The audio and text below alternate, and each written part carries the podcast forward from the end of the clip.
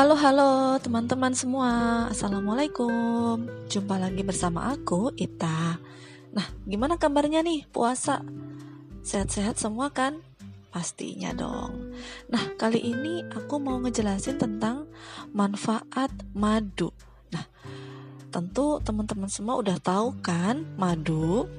Nah ternyata Madu ini punya banyak sekali manfaat. Nah Salah satunya adalah sebagai agen antibakteri. Nah, kenapa disebut antibakteri?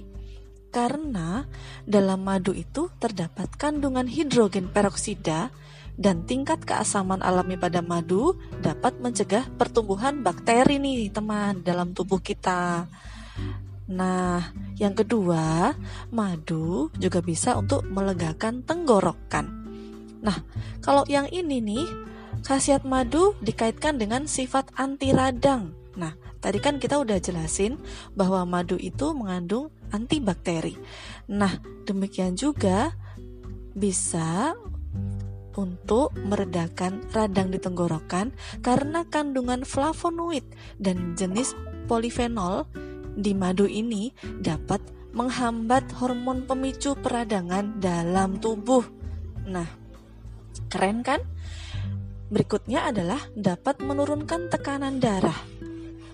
Nah, bagi teman-teman yang punya kecenderungan uh, tekanan darah tinggi, bisa nih mengkonsumsi madu secara rutin karena dapat mencegah resiko penyakit jantung dan pembuluh darah.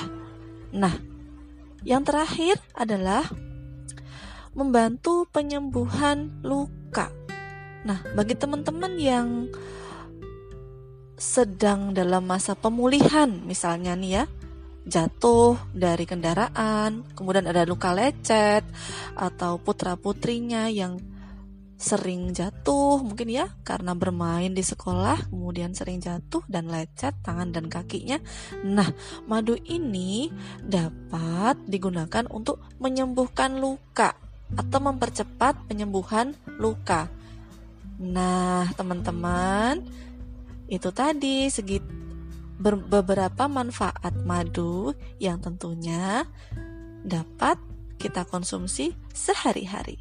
Terima kasih sudah mendengarkan. Assalamualaikum warahmatullahi wabarakatuh. Bye bye.